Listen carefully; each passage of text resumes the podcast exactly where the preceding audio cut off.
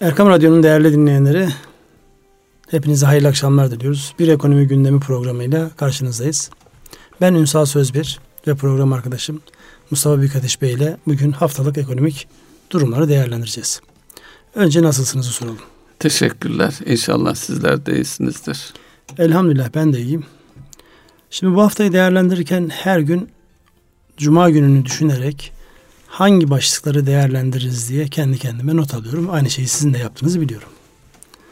Yine her zaman olan başımıza geldi. Her gün yakalamış olduğumuz evet bu haber işlemeye değerdir, bu konu işlemeye değerdir diyoruz. Ama bir sonraki gün ya da aynı gün içerisinde yaşanan başka bir hadise bizim o başlığı bir şekilde yok ediyor. Biz bu haftanın ana başlığı olarak şu herkesin diline doladığı ticaret savaşlarını bir ele alalım mı? Olur. İster misiniz? Ee, evet herkesin, herkes, tüm dünyayı ilgilendiren bir hadise. Şimdi bu ticaret ve savaş lafı yan yana konduğunda herhalde bu savaş ifadesi günümüzde bu iletişim sisteminin gelişmesinden kaynaklanan bir kavramsallaştırma ve onun dikkat çekme hadisesi. Eğer bu bir mücadele ise ve işin içerisinde ticaret varsa, sonunda da kar varsa e zaten o sürekli oluyor. Yani dün ya da bugün başlamış bir hadise olmasa gerek. Değil mi? Bilmiyorum bu konudaki fikriniz nedir? E, savaş kelimesi enteresan bir şekilde ister fiili savaş ister ekonomik savaş savaş kelimesi geçtiği zaman dolarda bir hareketlenme oluyormuş dolar lehine.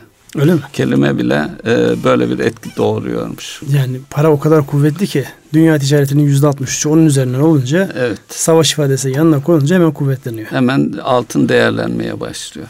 İyi. Peki bu çerçevede şimdi özellikle Amerika ile Çin arasında başlayan her gün e, çılgın liderler çağında yeni ifadelerle, yeni açıklamalarla yeni gündem maddelerinin oluştuğu bir dönemdeyiz. Önce Amerika'nın çelik ve alüminyuma vergi koymasıyla başladı. Daha doğrusu o açıklamayla başladı. Hemen vergi konmadı. Arkasından geldi o süreç. Arkasından Çin biz bundan etkilenmiyoruz dedi. Dün okuduğum güzel bir yazı vardı bir gazetecinin yazısında. Bu yapılanlara diyor hep bizim yaklaşım tarzımız acımadı ki şeyle bakıyoruz. Hemen soru o. Bize dokunuyor mu? Dokunmuyor. Çin de aynı şeyi yaptı. Bu dedi demir çeliği ya da alüminyuma yapılacak olan ithalat vergilerinin bana herhangi bir e, zararı ziyanı yok. Acımadı dedi. Onun üzerine sen misin bunu diyen dediler. 60 milyar dolarlık bir gümrük vergisi yükü getirildi. Onun karşılığında Çin bir hareket yaptı. 50 milyar dolar. 50 milyar dolar. Sonra Amerika 100 milyar dolarlık bir paket daha koydu. Bu sabahki gelişme. Evet. evet. Şimdi bunları alt alta üst üste koyduğumuzda nereye gidiyor dünya? Şimdi bir taraftan da şuna bakıyorum. Normalde bu e, bu kadar anlık resleşmelerin yansıması olarak e, dünya piyasalarında şu an birçok ürünün yerle bir oluyor olması lazım. Fiyatların dengesinin bozulduğu olması lazım. Evet açıklama ilk yapıldığında bir dengesizlik çıkıyor. Ama arkasından çok kısa bir süre sonra birkaç saat sonra hatta birkaç dakika sonra başka bir haberle onun şekli değişiyor. Aynı bizim şu an e, Suriye ile alakalı yaşamış olduğum hadise. Üçlü zirve yapılıyor. Amerika karşılığında bir açıklama yapıyor. Oradan çıkıyorum diyor. Yok çıkmadım geri döndüm diyor. Bu hadise bizim Suriye'de yaşamış olduğumuz bu hadise aslında başrol oyuncu olarak Amerika'ya koyarsak dünyanın her olayında Amerika'nın içinde bulunduğu her hadisede var gibi. Bunu bir şöyle bir sizin çerçevenizden ele alalım. Çünkü bu çok e, su götürecek bir konu. Üzerinde çok konuşulacak bir mevzu.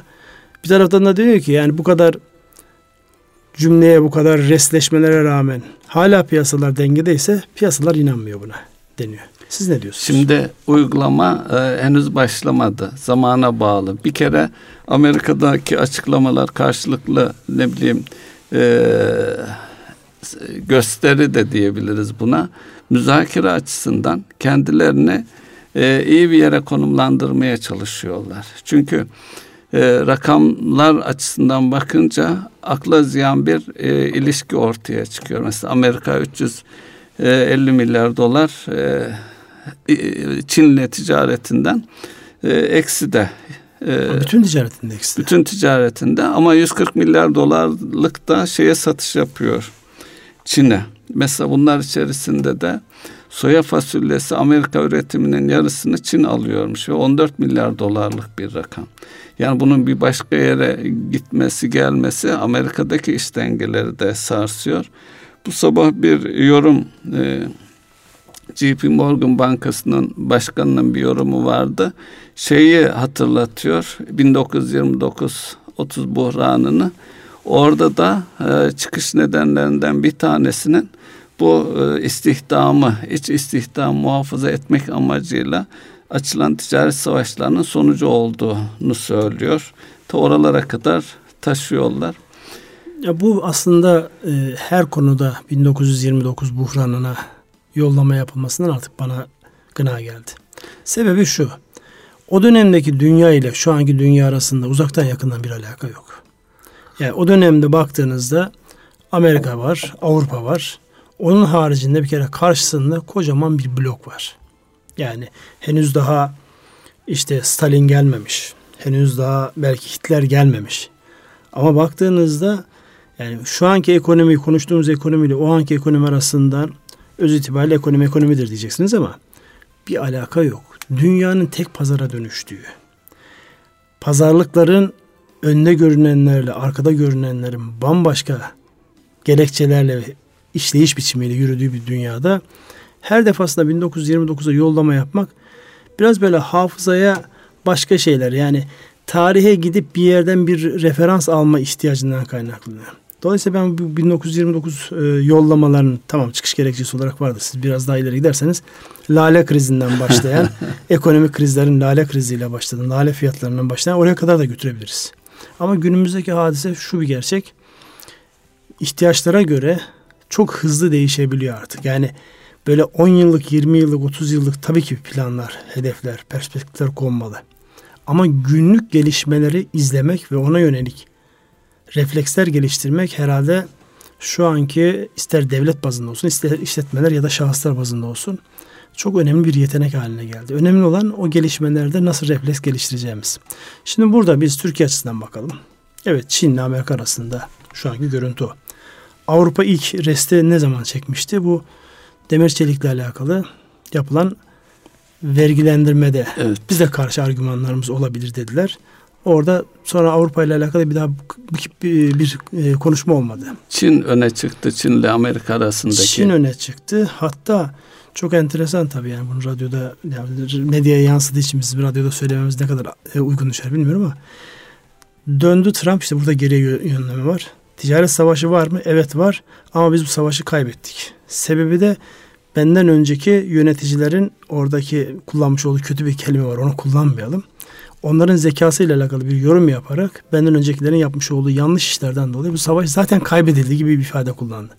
Orada da herhalde dikkat çekmek istediği düne kadar Amerikan refahına çok ciddi katkı sağlayan ucuz Çin işçiliği o anlamda maliyetlerin düşürülmesi şimdi artık Çin'in yavaş yavaş marka olmaya başlaması, ben de varım demesi, masaya oturması, ekonomideki büyümesinin kadar hızlı büyüyor ki bir müddet sonra Amerikan ekonomisini yakalayıp geçecek. Şunu diyorlar şu anki Amerikan nüfusu kadar 10 yıl sonra Çin'de orta e, orta gelir düzeyindeki nüfusa ulaşacağını söylüyorlar. Meşhur bizim orta direk diyorsun e, kalınlaşacak o kadar. Evet, Amerika kadar kalınlaşacak evet, orta direk. Çin'deki tamam. şey tabii şunu da söylüyorlar. Şu an eğer bir harekete geçmezsek Çin'e karşı 10 yıl sonra hiçbir şey yapamayız gibi bir yaklaşım da var işin içerisinde. Şimdi şu an baktığımızda Çin öyle bir e, stratejik yaklaşıyor ki oranın en büyük problemi tek merkezden yönetiliyor olması. Özellikle performans değerlendirmeden de sizin son zamanlarda işletmelere yönelik performans değerlendirmelerdeki yaklaşımınızı da bildiğim için merkezden kontrollü ve her şeyin şeklinin şemasının çizildiği bir yapının performansıyla özgür iradelerin faaliyet gösterdiği, performans gösterdiği yapıların sonuçları çok aynı değil. Orada size bir top atacağım bu anlamda. Baktığımızda yani merkez bir müddet sonra artık inanılmaz hantal hale gelmeye başlıyor. Her şey için dönüp merkeze bakmaya başlıyor insanlar. Yani en ufak bir şey yapacak. Şurada bardağı yerinden kaldırıp bir yere koyacak. Dönüp merkeze bakıyor. Yapayım mı yapmayayım. Oradaki o bürokratik silsilenin çalışma biçimi e, çok ciddi etki edecek. Öbür taraftan bir şey daha var. Çin evet uluslararası bir e, zemin kazandı. Fakat henüz daha beyin göçüne cazibe merkezi olmuş değil. Yani eğer karşı karşıya koyduğumuzda Amerika, Çin karşı karşıya koyduğumuz dünyanın şu an en yetenekli beyinlerin hala Amerika çekme noktasında cazibe merkezi. Bu ticaret savaşında hırsızlık suçlaması da var biliyorsunuz. Biliyorum ona da şey yapın. Performans açısından baktığımızda özgür iradeyle merkezden yönlendirilmiş irade arasındaki o yaklaşıma bir iki cümle kurmak ister misiniz? Evet, tabii, buradan da başka bir tarafa geçiyoruz. Şimdi genelde pe, e, uygulamalarda performans e, denildiği zaman e, insanlara şirket özelinde bakarsak çeşitli birimlere bir takım ölçülebilir hedefler verilir ve o hedefleri de e, belli takvimlerde genellikle çeyrek veya e, 6 aylık süreçlerde en şey bir yıllık süreçte sıkı bir şekilde yapıp yapamadığı konusunda bir değerlendirme olur. Hatta bu neticede ödül ve cezaya da bağlıdır bir noktada maaşlarla şeylerle ilgili. Tabii son açıklı araştırmalar sonucunda bunun çok da istendiği gibi gelişmediğini, istenilen sonuca ulaşmadığını e, bilimsel araştırmalarda kanıtlıyor. Şöyle ki kişi kendisi ya, ya da birimler de denebilir. Kendileri özgür iradeleriyle kendilerine bir hedef belirledikleri takdirde hem bu hedefe daha çok odaklanıyorlar hem de bir nevi kendileriyle yarışmış oluyorlar. Oradaki tatmin ve başarı elde edilen sonuç diğer kontrollü yukarıdan e, talimatta çizilmiş şeylerin e, hedeflerin ötesinde bir performans elde etmiş oluyorlar. Bu performans üzerinde de e, sizin e, performans ölçümü, performans üçgeni o şeylerde de çalışmalarınız var. Siz de o tarafta e, biraz daha konuyu detaylandırıp zenginleştirebilir misiniz?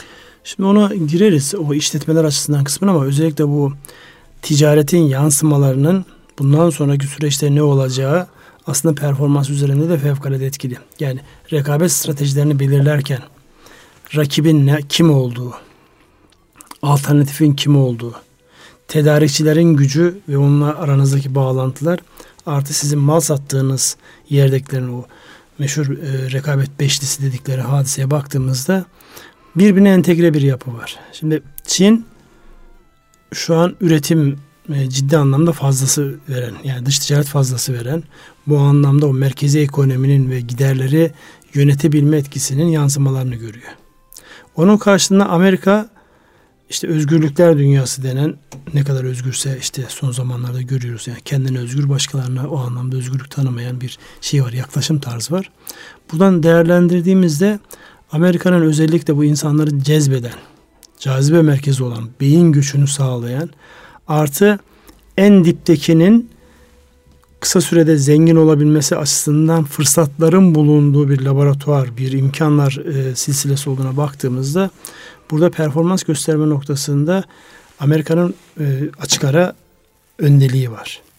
Fakat uzun süre baktığınızda, uzun soluklu baktığımızda bu açık ara öndeliği götürme noktasında hangi handikapları taşıyor sorusunun cevabına baktığımızda e, değişen zaman içerisinde Amerika'nın o e, sevilen, sempatik tarafından artık dünyadaki bütün problemlerin neredeyse faturası oraya kesilmeye başladı. Kaynak orası. Kaynağı oraya göstermeye başladı. Dolayısıyla bunun psikolojisinin çok iyi yönetilmesi lazım Amerika açısından. Çin açısından baktığımızda Çin hala kapalı bir kutu. Yani sevimli mi geliyor dünyaya? Hayır çok sevimli gelmiyor. Ama yani dünyanın herhangi bir yerinde tahakkuk etmiş bir olumsuzluğun henüz daha Çin'e fatura edildiği bilmiyoruz. Belki vardır ama biz bilmiyoruz. Kendi e, bölgesinde olan hadiselerde aktif olarak rol aldığını görüyoruz. Buradan hareketlendiğinde yani Çin'de potansiyel zengin olmayı ya da ekonomik anlamda daha refah içerisinde yaşamayı bekleyen milyonlar, yüz milyonlar var. Onların üzerindeki en büyük tehdit burası. Öbür taraftan rakamsal hacimler çok büyük. Yani hani Türkiye'deki her işletmenin bir hayali var ya her Çinliye bir ciklet satabilme evet. hayali topluyor 1.3 milyar, evet. 1.4 milyar ciklet satarım hayali var. Baktığınızda böyle bir potansiyel var ama bu potansiyel arkasından tehdidi de getiriyor. Bu insanları memnun edemediğinizde, bu insanlar mutsuz olduğunda şeyi de bilmiyoruz artık açıkçası. Yani sadece Türk coğrafyasıyla alakalı olan kısmı, Uygur Türkleriyle alakalı olan kısmı biliyoruz Türkistan'la alakalı. Onun haricindeki coğrafyada neler olduğunu bilmiyoruz açıkçası. Nasıl bir bu, e, tehlikenin üzerinde oturdukları konusunda yeterince fikir sahibi değiliz ama eminim ki yani Batı'da buna kendisine rakip gören e, noktalar bu anlamdaki bu stratejileri de çalışıyordur. Dolayısıyla bunların hepsini birlikte değerlendirdiğimizde ticarete yansıması e, biraz e, can yakacak bir şekilde olacak gözüküyor. Fakat bu devam ettirilebilir bir şey mi? O kadar entegreler ki birbirine. Amerika'yı finanse eden Çinliler. Evet. E, orada iç içe geçmişlikler var. Buna baktığınızda böyle çok açık, aleni birbirinin kemiğini kıracak şekilde bir rekabetin olabileceğine ben çok ihtimal vermiyorum. Hala Amerika'nın en büyük üretim üssü Çin. Şöyle de bir şey söylüyorlar. E, bu sizin sosyal açıdan yorum yapılırsa Amerika bu ticari savaşla birlikte Çin'de e, ciddi bir işsizliği tetikleyeceği ve bu Çin'in de sosyal olarak işte bu tek e, yani bir nevi e, komünist rejim bir taraftan da sürdüğü varsayılabilir. Varsayılabilir yani. Onun Ekonomik olarak kapitalist, yönetim olarak hala komünist Çin. Hiç değişmedi o. Onu sarsabilecekleri yönünde bir takım yorumlar da var. Olur mu bilmiyorum ne dersiniz? Ya şu var. Bir kere e, Çin'deki e, son siyasi gelişme biraz e, başka arkadaşların program konusu başka siyaset olan arkadaşların alanına sarkıyoruz ama sosyal bilimlerin böyle bir özelliği var. Birbirinden bağımsız değil. Siyasette alınan bir kararın öbür tarafa yansıması var. Bir kere Çin'de şu Mao'dan sonra ilk defa devlet başkanının ömür boyu seçiliyor olması hadisesi ortak görüş şu. Seçilme kaygısı olmadığı zaman insanların performansında ve gidişlerinde çok ciddi bir zayıflama oluyor. Bir kere bir genel kabul var. Yani bu genel geçer bir şey midir? Evet genel geçer bir şeydir. Bir performans gösterme zorunluluğu yok. Ama öbür taraftan da şu söyleniyor. Performans gösterme zorunluluğu yok ama ne yaparsa kendi ülkesi için yapar. İşte efsane olma ihtimali var. Bu da performansa evet. arttıran bir unsurdur. İkisi de ya baktığınız zaman Nasrettin Hoca'nın dediği gibi ikisi de haklı gibi gözüküyor. Denge nerede? Denge nerede kurulacak? Ama ortak ulaşa söylenen hadise Çin'in potansiyel olarak yani büyüklüğü evet fazla ama sosyal olumsuz potansiyelleri de fazla. Tehditler de çok fazla. Bu açıdan değerlendirdiğinde herkes kendisini güçlü kılacak bir tarafı kaşımaya devam edecektir. Önemli olan Çin'in ya da Amerika'nın ne yapacağı değil, biz bu tepişmeden, biz, biz bu kavgadan nasıl etkileneceğiz sorusu. Şimdi bunu biraz ele, değerlendirmemiz lazım. Yani e, acımadı ki deyip kenara mı çekileceğiz? Yoksa bunun bizim için bir fırsat olacak. Çünkü geçtiğimiz dönemde şunu gördük. Amerika'da, Çin'de özellikle dünyanın yeni pazarı olan Afrika üzerinde çok iştahlılar. Bizim de orayla alakalı bazı girişimlerimiz var. Ama henüz daha bizimki yani dostluk mertebesinde daha çok veren sosyal dayanışma çerçevesinde gelen bir hadise. Ekonomi ve stratejik anlamda uzun vadeli geri dönüşleri henüz daha biz çok net görmüyoruz. Ama şöyle bir özelliğimiz var. Dünyanın birçok ülkesinden özellikle emperyal ülkelerin yüzyıllara varan zulümleriyle Türkiye'nin duruşuna baktığınızda Türkiye'nin müthiş bir şey mazlumun var. yanında. Tabii hem mazlumun yanında hem sempatik bir tarafı var. Dolayısıyla bunu artıya çevirebilme becerisidir. Önümüzdeki dönemde bizim imtihan olacağımız konu. Bu çerçevede bir Türkiye'nin nasıl etkileneceğini konusunu biraz ele alır mısınız? Türkiye'nin e, şimdi e, belirsizliklerin çok fazla olduğu bir dönemdeyiz. Bu soru soruluyor. Bu soruya da net olarak biz e, ne yönde etkilenirizin cevabı da bulunamıyor. Sadece şunu söyle, şu söyleniyor. İlk aşamada bizim etkilenmeyeceğimiz e, ileri aşmada yani birkaç yıl içerisinde bunun bize olumsuz yansımaları olacağı söyleniyor. Ama e, sizin bu anlamdaki şeyiniz ne? Benim, Söylenenlerden ziyade ben sizinkini merak ettim.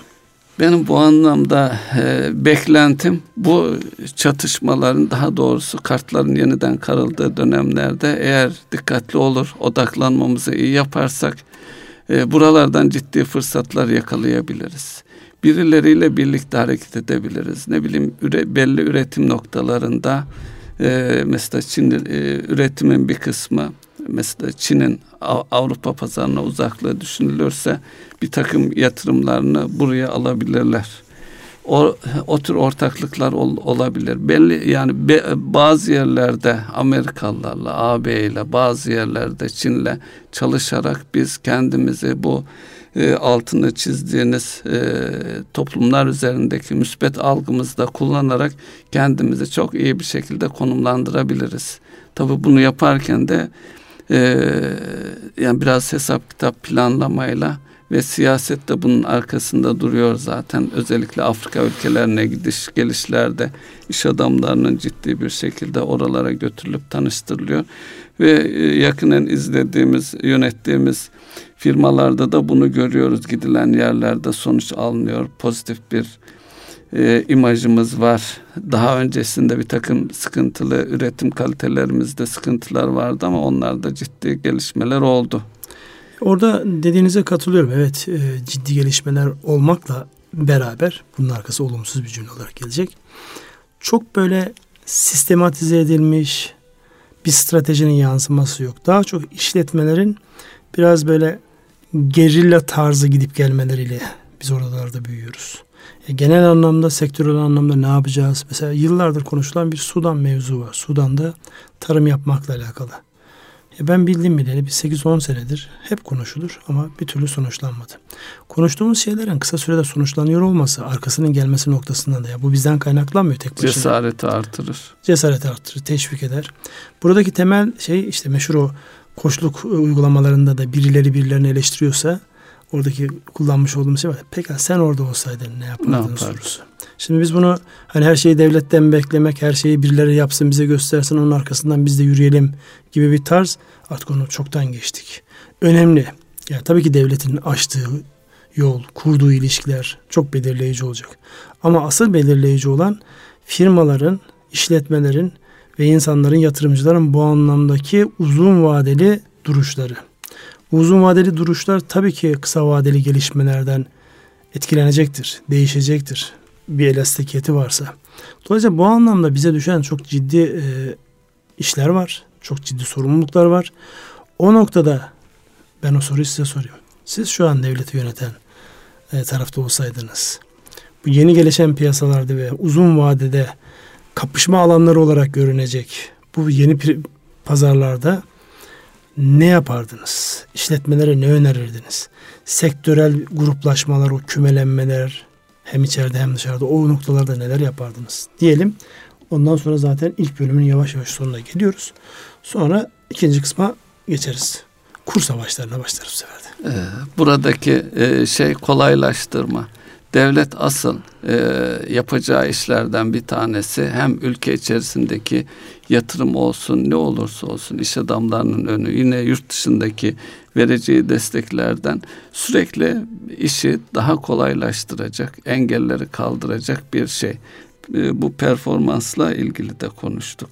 Hı hı. Dolayısıyla firmaların kendi hedefleri neyse onun önündeki engel çıkarmak değil, onu çözecek, kolaylaştıracak adımlar atabilmek. Bunu zaten zaman zaman ta özelli yıllardan beri e, yine bürokrasi e, konusuna girmemiz şart burada.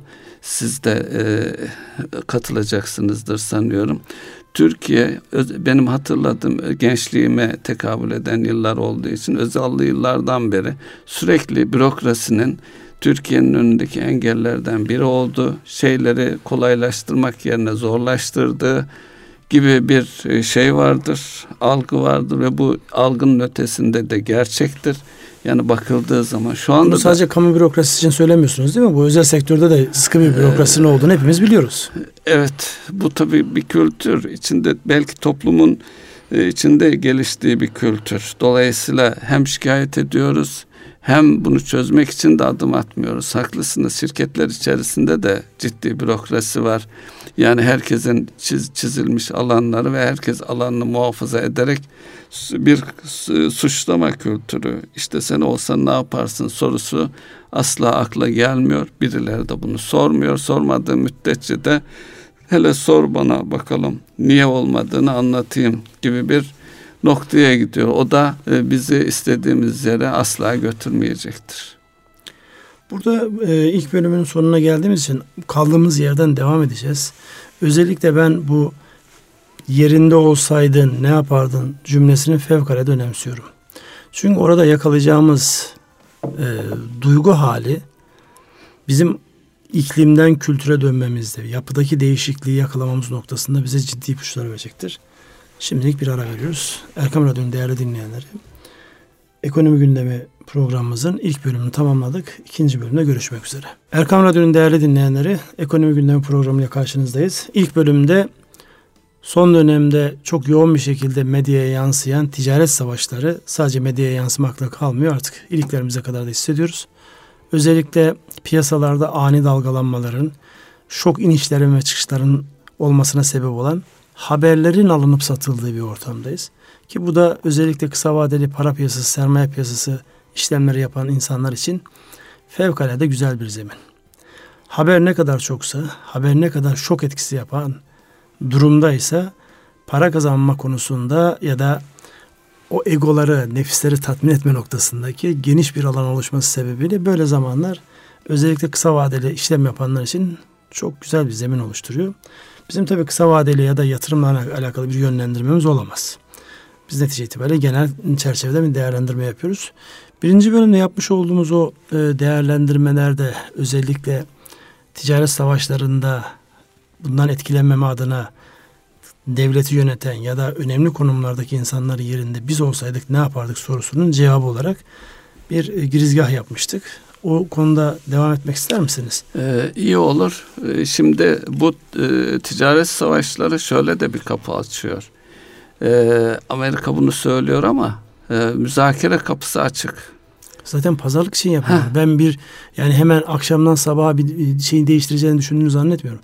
Yeni kapılar açıyor. Yeni pazarlık konular açılıyor burada. Evet.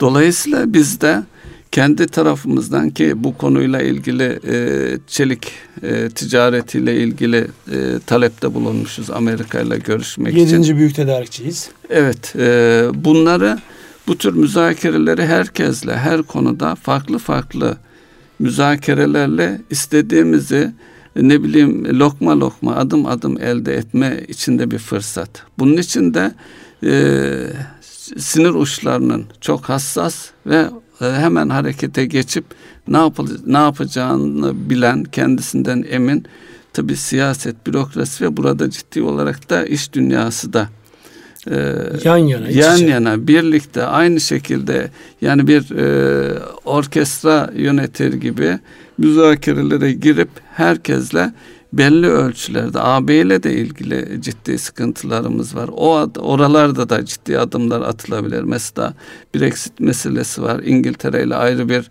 müzakere süreci. Ee, ne bileyim e, diğer Afrika ülkeleri yani ticaret yaptığımız ülkelerle veya ticaret yapma potansiyeli olan ülkelerle hızlı bir şekilde ve zaman kaybetmeden küsmeden e, vah vah e, öldük bittik gibi bir e, psikolojiye kapılmadan elimizde neler var bununla neler yapabiliriz? Bunlar işe yaramıyorsa daha ne, neleri ortaya koyabiliriz? Bunların üzerine düşünüp akıllıca adımlar atmak ya ve bu geçmeden. dönemde lazım gelen en önemli yetenek müzakere becerisi ve ikna yeteneği öyle evet. mi?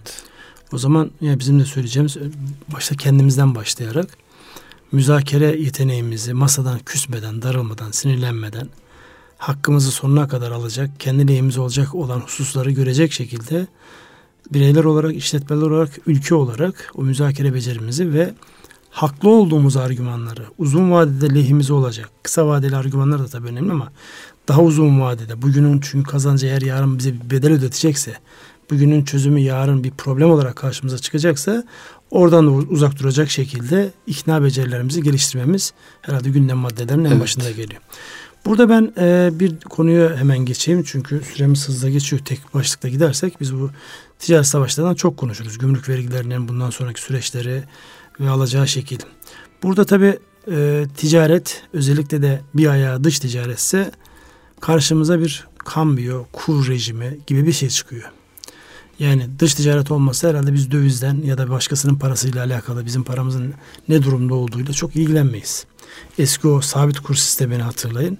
Kontrol sadece devlette. Serbest kambiyo rejimi yok.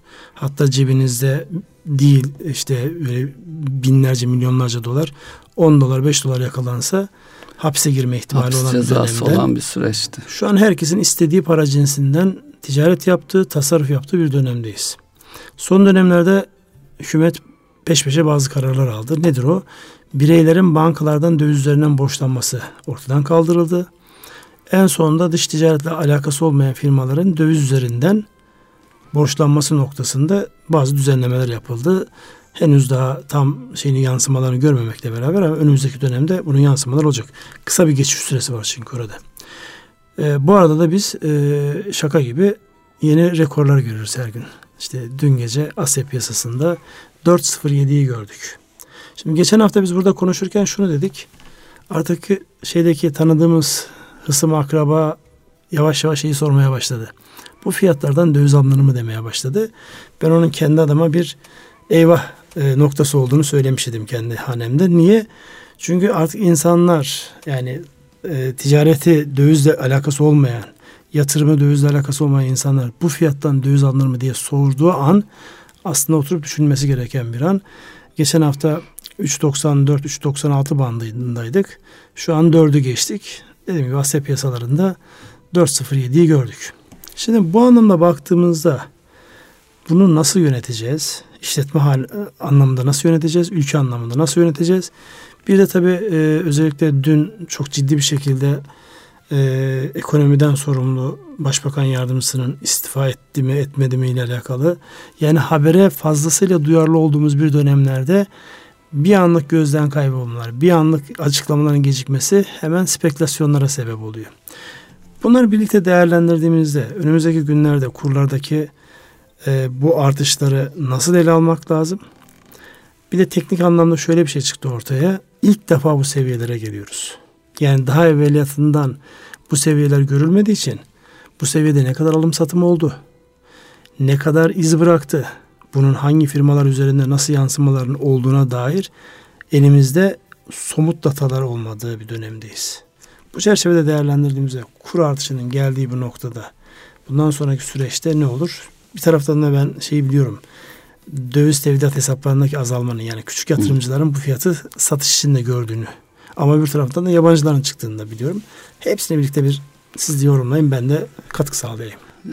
Bu bir dalgalanma süreci. E, bu dövizdeki dalgalanma yeni başlamadı. 3-5 aylık e, geçmişi var. E, daha önce de yılbaşı öncesinde de bakıldığı zaman bu dörde yakın rakamları hatta bir gün dördü görmüştük e, bugünkü gelinen noktada da e, dalgalanma süreci devam ediyor. Tabii e, bir takım üzücü şeyler de var. Yani e, mesela bu bakanın istifa etti, etmedi e, gibi haberlerde bu tür haberlerin artık çıkmaması lazım. Yani e, her çıkan haber e, ilk e, etkilediği taraf dolar tarafı, döviz tarafı oluyor. Dövizi etkiliyor. Tabi dövize bakıldığı zaman döviz nereye kadar gider? Tabi hayalci bir şekilde insanlar e, afaki rakamlarda öngörebiliyorlar. Bunu zikrediyorlar. Bu hava spekülasyon için son derece ha, müsait bir hava. Söylendiği zaman bu rakamlar e, söylendiği zaman bundan etkilenen insanlar olması da tabidir. Şimdi e, doların, dövizin nereye kadar gidebilir diye bakıldığında nedir? E, bir içinde bulunduğumuz bir enflasyon seviyesi var. Yani normalde enflasyon seviyesinin üstünde çıkması beklenmez, altına düşmesi de beklenmez. Yani neticede e, bizim genel fiyatlar seviyesiyle dövizde benzer şekilde hareket etmesi beklenir. Yine o dolar açısından bakınca da dolardaki şey Amerika'daki enflasyon oranında etkilenmesi beklenir. Ama burada son bir haftada yüzde beşin üzerinde bir şey oldu hareket. Tabii buradaki o hareket işte e, haberlerden kaynaklanan sıkıntı. Mesela döviz tevdiat hesaplarında 160 küsür milyar dolarlık bir şey işte 2 milyar dolarlık bir satış oldu. Yani e, şu döviz seviyesinde e, vatandaşımızın bir bölümü elindeki e, dövizi TL'ye çevirmiş.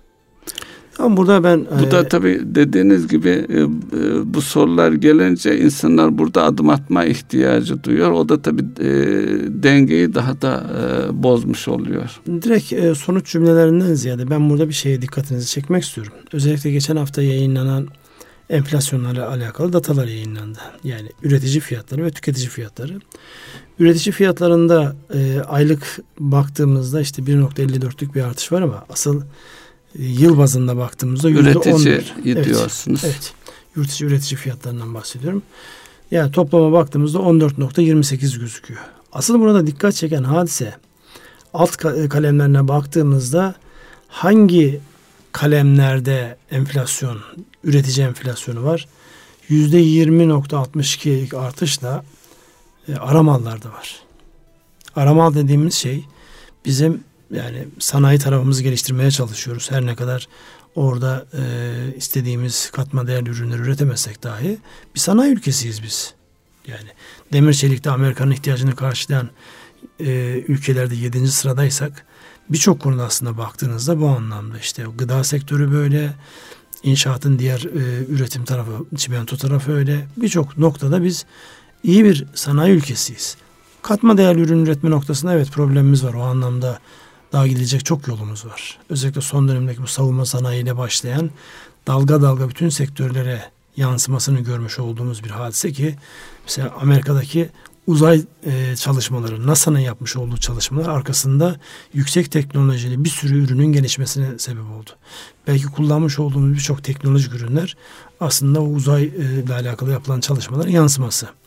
O bir kısmı yani bildiğimiz hadise bir kısmı yavaş yavaş önümüze geliyor. Buradaki özellikle ara mallardaki bu artışın yüksek olması burada kurların çok ciddi etkisi var. Çünkü yurt dışından ithal ediyorsunuz. İhraç ettiğiniz ürünlerin de önemli bir kısmı ithalata bağlı. Doğrudan sizin üretici enflasyonunuz yukarıda çıkıyor. Ve bu hala tüketiciye yansımış değil. Yani burada hala 4 puanlık, 5 puanlık bir üreticiye, tüketiciye yansımamış bir üretici enflasyonu var. Bu anlamda değerlendirdiğimizde kurların özellikle işletme ve maliyetler konusunda ve dış ticaret konusunda etkilerinin herhalde olacağı çok net aşikar değil mi? Mutlaka e, yansıyacaktır çünkü e, bu şirketlerin üretimdeki maliyetlerinin arttığını gösteriyor. E, bu süreçte karlarından fiyatlara yansıtamadığınız ha, bir maliyet artışı neye sebep olur? Evet, karlardan ne kadar feragat ederler bir noktaya kadar. Ondan sonra mutlaka yansıması gerekecek. Bir dakika, eğer yansıtacağınız bir piyasanız varsa yansır. Ee, Fiyata yansıtamıyorsanız yani rek, rekabet içerisinde az önce konuşmuş olduğumuz e, uluslararası ticaret savaşı da onun üzerinden değil mi? Evet. Başka satıcı yoksa evet siz istediğiniz gibi yansıtabilirsiniz ama şu an dünyada kaç tane üründe tek üretici var ki? Ve yeni yatırımlar işte biz e, hemen yanı başımızdaki Rusya'ya tarım ürünleri işte tavuk başta olmak üzere beyaz et ve benzeri şeyler satıyorduk. Şu an Rusya eski o kolhoz sistemi, solhoz sistemi neyse artık yani eski alışkanlıklar. Kendilerini rehabilite ettiler. Rehabilite ettiler ve şu an dünyaya hem sebze meyve satacak konuma geldiler. Hem beyaz et hem kırmızı et satma noktasında çok ciddi mesafe kat ettiler. Çünkü daha önceki var olan bir yeteneklerini hatırladılar. Şimdi biz hem yetenek geliştireceğiz hem de bu yeteneğimizle rakiplerimizin önüne geçeceğiz. O çok kolay bir hadise değil. Onun için yani fiyatı nereye yansıtıyorsunuz onu da bir söylerseniz. Ee, işte e, fiyatları e, bu e, fiyatlar seviyesi e, ihracatı olumlu yönde etkileyeceğini de bekleyebiliriz. Döviz kurlarının bu şekilde olması bizim ürünlerimizi e, ihraç piyasalarında yine makul. Bağlı. Yine, yine girdinin nereden olduğuna bağlı. E, ama neticede bir çıkış yolu e, açısından bir çıkış yolu bulunması gerekiyor. Doğru. Buradaki çıkış yolu özellikle rekabet stratejilerinde yani rakipleri çok iyi tanımaktan geçiyor. Piyasayı çok iyi algılamaktan geçiyor. Tedarikçileri çok iyi biliyor olmaktan geçiyor. Alıcıların psikolojisini çok iyi bilmekten geçiyor. Türkiye'de de var mesela organize e, perakende de onu görüyoruz. Özellikle son dönemde sayıları giderek artan discount marketlerin artık üreticiye hangi fiyattan mal etmesi gerektiğini dikte eder hale geldiler. Bu ülkenin genel açısından baktığınızda fevkalade olumlu bir şey. Niye? Ya ben de hükümet olsam organize piyasalarda fiyatların kontrol edildiği, insanların geniş anlamda fiyatların yükselişine maruz kalmadıkları, maliyetlerin ciddi baskı altında tutulduğu ya da kontrol edildiği bir yapıyı ben de arzularım. Ama bir taraftan eğer üreticiyseniz hadi buyurun çıkın işin içerisinden nasıl çıkacaksınız? Peki şuna ne dersiniz? Bu discount marketler e, üretici firmaların maliyetlerini onlardan daha iyi hesaplıyorlar. Kesinlikle o konuda ben e, uygulamalarını da biliyorum. Yani firmaların nasıl hareket etmeleri gerekiyor. Çünkü orada hacimler çok büyük olduğu için ya o da tercih meselesi tabii. Bu indirim marketlerine iş yapmak herkesin gönlünde yatan bir hadise. Ee, özellikle paranın alınması noktasında, tahsil edilmesi noktasında daha makul kabul edilebilir süreler var. Hepsi için bu geçerli midir bilmiyorum.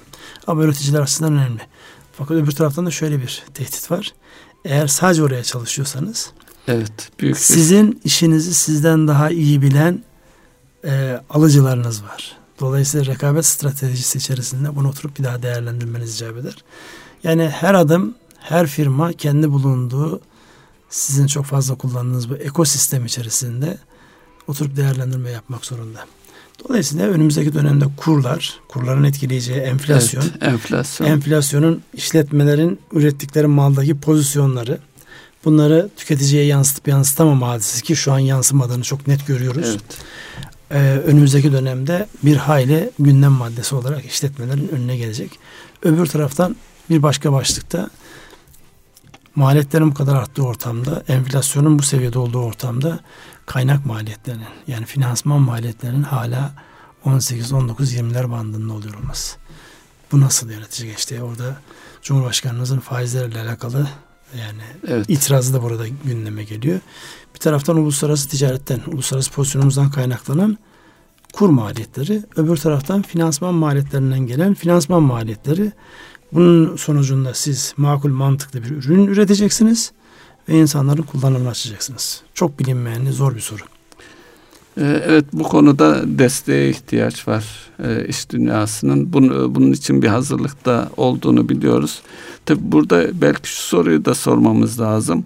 Bizim güçlü yanlarımız neler? Bunun farkında olmak. Bunu şirket e, özelinde de e, bunu ortaya koyabilmek. Belki o güçlü yan neyse daha çok hızlı hareket etme, esneklik, kolay şartlara kolay uyum gösterme gibi. Belki ülkemizin, şirketlerimizin de özelinde önünü açacak e, şeylerden bir tanesi. Ama bunu da çok farkında olduklarını da görmüyorum maalesef. Bunun üzerinde çok fazla düşünülmüyor gibime geliyor. Burada e, hemen ben siz bu güçlü yanlar deyince aklıma işte SWOT analizi teknik olarak söylenen. Eskiden e, bu analiz yapılırken başlık şöyleydi. Güçlü yönler, zayıf yönler, fırsatlar, tehditler. Tehditler. Şimdi yapılan analizlerde bu terse döndü. Fırsatlar, tehditler, güçlü yönler, zayıf yönler. Fırsat ve tehdidi görmezseniz güçlü yönünüzü çok ön planda çıkarmanızın bir anlamı yok. Çünkü fırsat dediğiniz şey adı üzerinde. Sizin için evet. yeni bir alan demek. Ama her fırsatın karşısında da yeni tehdit alanları çıkıyordu. Dolayısıyla sadece güçlü ve zayıf yönlere odaklanıp fırsat ve tehditleri gözden kaçırırsak şayet yine iyi bir şey yapmamış oluruz. Önce fırsat ve tehditler arkasından güçlü ve zayıf yönlerin analizi belki bu anlamda hem işletmelere hem ülkelere daha fazla katkı sağlayacaktır. Önce ne fırsatlarımız var önümüzde? Ona bir bakalım. Evet. İsterseniz bunlara bakın. Önümüzde ne fırsatlar var? Evet, önümüzde ne fırsatlar var derken bir bakış açısı da şöyle getirilebilir mi? Son zamanlarda mesela büyük te, discount marketlere tedarik e, eden e, firmalar açısından bakarsak e, olaylara bir proje olarak yaklaşılsa her e, e, yaklaşımlardan bir tanesi de bu özellikle Batı ülkelerinde bir satış yapacaksınız büyük bir markete diyelim o satış büyüklüğünü şeyini bir proje olarak ele alıyor. Onun içerisinde değerlendiriyor ve o e, onun akabinde yeni bir proje alma konusunda da kendisini baskılamış ve kendine bir hedef e, koymuş oluyor. Belki yönetim tarzlarını da bu süreçte bunun yanı sıra fırsat e, nerede tehdit nerede derken e, yaklaşımlarını da e, işin içerisine katarak nasıl yaklaşmalıyım, nasıl düşünmeliyim? Ne dersiniz bu konuda? Şimdi o aslında e, soru kendi içerisinde cevabı barındırıyor. Yani özellikle bu organize alıcılar yani biz sadece olayı perakende dersek şimdi birileri alınganlık gösterebilir. Göstermesin. Güçlü evet. bir alıcıysanız şayet şunu görüyoruz ki dünya üzerindeki bütün güçlü alıcılar isterseniz Amerika'daki Walmart'ından bahsedin isterseniz Almanya'daki bilmem ne marketler zincirinden bahsedin. Hepsinin geldiği nokta şurası. Kendi rekabet stratejileri içerisinde tedarikçilerini çok iyi tanıyorlar. Tedarikçilerini en az kendileri kadar tanıyorlar. Şimdi ben tedarikçi tarafındaysam beni benden benim kadar tanıyan hatta benden daha iyi tanıyan çünkü beni bir de rakiplerimle o daha iyi analiz ediyor. Evet. Tek başıma ben kendimi biliyorum da rakibin hangi fiyatla verdiğini, hangi şartlarda çalıştığını tedarik eden firma yani o ana alıcı benden daha iyi biliyor. Dolayısıyla beni benden daha iyi bilen bir yapıyla bir proje çalışacaksam bunu nasıl çalışmalıyım sorusu. Burada benim de o alıcıları benim beni bildikleri kadar bilecek analizlere girmem icap eder. Dolayısıyla bu biraz daha her geçen gün işte bu meşhur big data, büyük verilerin hüküm sürdüğü alana giriyoruz. Kim nerede büyüyor? Kimin rakibi kim? Hangisi nerede zorlanıyor? Yani onların büyüyor olmaları dertsiz oldukları anlamına gelmez. Onların da kendilerine göre korkuları, tehditleri, fırsatları var. Dolayısıyla buradaki analizler giderek derinlik kazanan bu büyük verilerin ister bölgesel olsun ister sektörel olsun büyük verilerin çok iyi analiz edileceği, verilerin analiz edilmesiyle beraber insanların e, ya da işletmelerin ayakta kalacağı bir döneme giriyoruz. Oradaki soru da şu. Ne kadar elimizde veri var? Ne kadar kendimizi, rakiplerimizi, piyasayı, gelecekte fırsat olan piyasaları ne kadar değerlendirebiliyoruz? Sorularının cevapları. Bu da bambaşka bir boyuta götürüyor. Bunu anlattığım zaman bazen insanların gözlerindeki o korkuyu görüyorum. yok korkacak bir şey yok. Çünkü her büyük yapının ki bugünlerde yaşıyoruz işte en güzel örneği Amerika'nın dış politikadaki işte Suriye'de yaşamış olduğu şey en büyük yapıların bile kendi içlerinde muhakkak bir zayıf Çelişki, noktaları evet. vardır, çelişkileri vardır. Dolayısıyla eğer işimiz ticaretse, işimiz iş dünyasıysa sadece korkarak yaşama şansımız yok. Hafif alarak da yaşama şansımız yok. Korkuyla umudu yan yana tutup iyi olduğumuz taraflarda yeteneklerimizi geliştirmek, zayıf olduğumuz taraflarda çok gol yemeyecek şekilde bir strateji uygulamak belki önümüzdeki dönemde uygulanacak en iyi yöntemlerden bir tanesi. Peki bireysel bireyler olarak bu şeyde çerçevede değişen bu rekabet yoğunlukta sizin şu koştuk tarafınıza bir iki şey yap. İnsanlar ne yapacak? Çünkü bir taraftan işletmeler birleşiyor, rekabet ortamında insanlar işsiz kalıyor. Belli bir yaşın üzerindeki insanlar artık verim düştüğü zannıyla ki orada da yani belki de yaşlanmaktan dolayı taraf olduk artık. yani en fazla faydalanacak dönemler insanların hadi sen git evinde otur dendiği dönemde insanlar ne yapacak? Şimdi e, siz bunu sorunca aklıma sabah yaşadığım bir hadise geldi. Sabah e, komşularla e, yürüyüş yaparken e, işi gayet iyi olan ve başarılı bir iş adamı bu e, dövizdeki geldiğimiz seviye nedeniyle fiyat güncellemesi yapmak zorunda. Bir firmaya fiyat e, iyi bir müşterisine fiyat güncellemesi yapmış ve oldukça sıkıntılı bir görüşme yapmış. Hala onun etkisinde işte biraz da verip beriştiriyor işte şu kadar şunu yapıyorum bu kadar hizmet şey yakinen de biliyorum gerçekten de iyi bir firma. Anlattıktan sonra şunu sordum. Bunu sana o mu söyledi dedim. Bir anda sustu. Yani kişiler bu bir taraftan datalı kullanımı bir taraftan onları söylerken insanların özellikle iş adamları her birey olarak da öyle de biz e, bizden e, yararlanır umuduyla iş adamları veya işte, esnaflara dikkate alarak bir şey söyleyeceksek bir e, kendi varsayımlarıyla nerelere gelmişler öyle bir gerçeklik mi var? Yoksa, sen kendini çıkardın. Çünkü ben anlattığından şunu anlıyorum. Ee, aslında e, müşterisi bundan gayet memnun firmadan. Fiyattan da memnun. Fiyatı da kabul edecek seviyede. Çünkü iş anlattığı işi biliyorum. E, ilişkiyi de e, aşağı yukarı biliyorum. Ama öyle bir konuma e, getirmiş ki kendini köşeye sıkışmış çaresiz bir konumda diyeceğimiz varsayımları sorgulamak Varsayımlarla değil, gerçeklerle. Gerçeklerle. Dolayısıyla varsayımların bizi götürdüğü olumsuzluklardan ve da böyle kendimizi düşüp tarafımızı kıracağımız yanlış merdiven başlarına gitmememiz icap eder diyorsunuz. Evet. Evet. Teşekkür ediyorum. Zamanda bu arada hızlı bir şekilde aktı geçti. Biz yine bir programın sonuna geldik. Kapanış için bir şey söylemek ister misiniz? Ee, iyi dileklerimizi sunalım. Yeni fırsatlar, e, kriz bekleniyorsa beraberinde fırsat da vardır. Öyle bakmak ve bunların peşine düşebilmek. Yani beklenen bir kriz yok. Yani her olay olabilirse diyorsunuz. Evet. Tamam. Erkam Radyo'nun değerli dinleyenleri yine bir ekonomi gündem programının sonuna geldik. Bugünkü ana başlığımız ticaret savaşları ve onların yansımalarıydı. Amacımız faydalı bir şeyler söylemek. Bunları söylerken eğer sürçü lisan eylediysek hakkınızı helal ediniz. Hayırlı akşamlar diliyorum. Hayırlı akşamlar.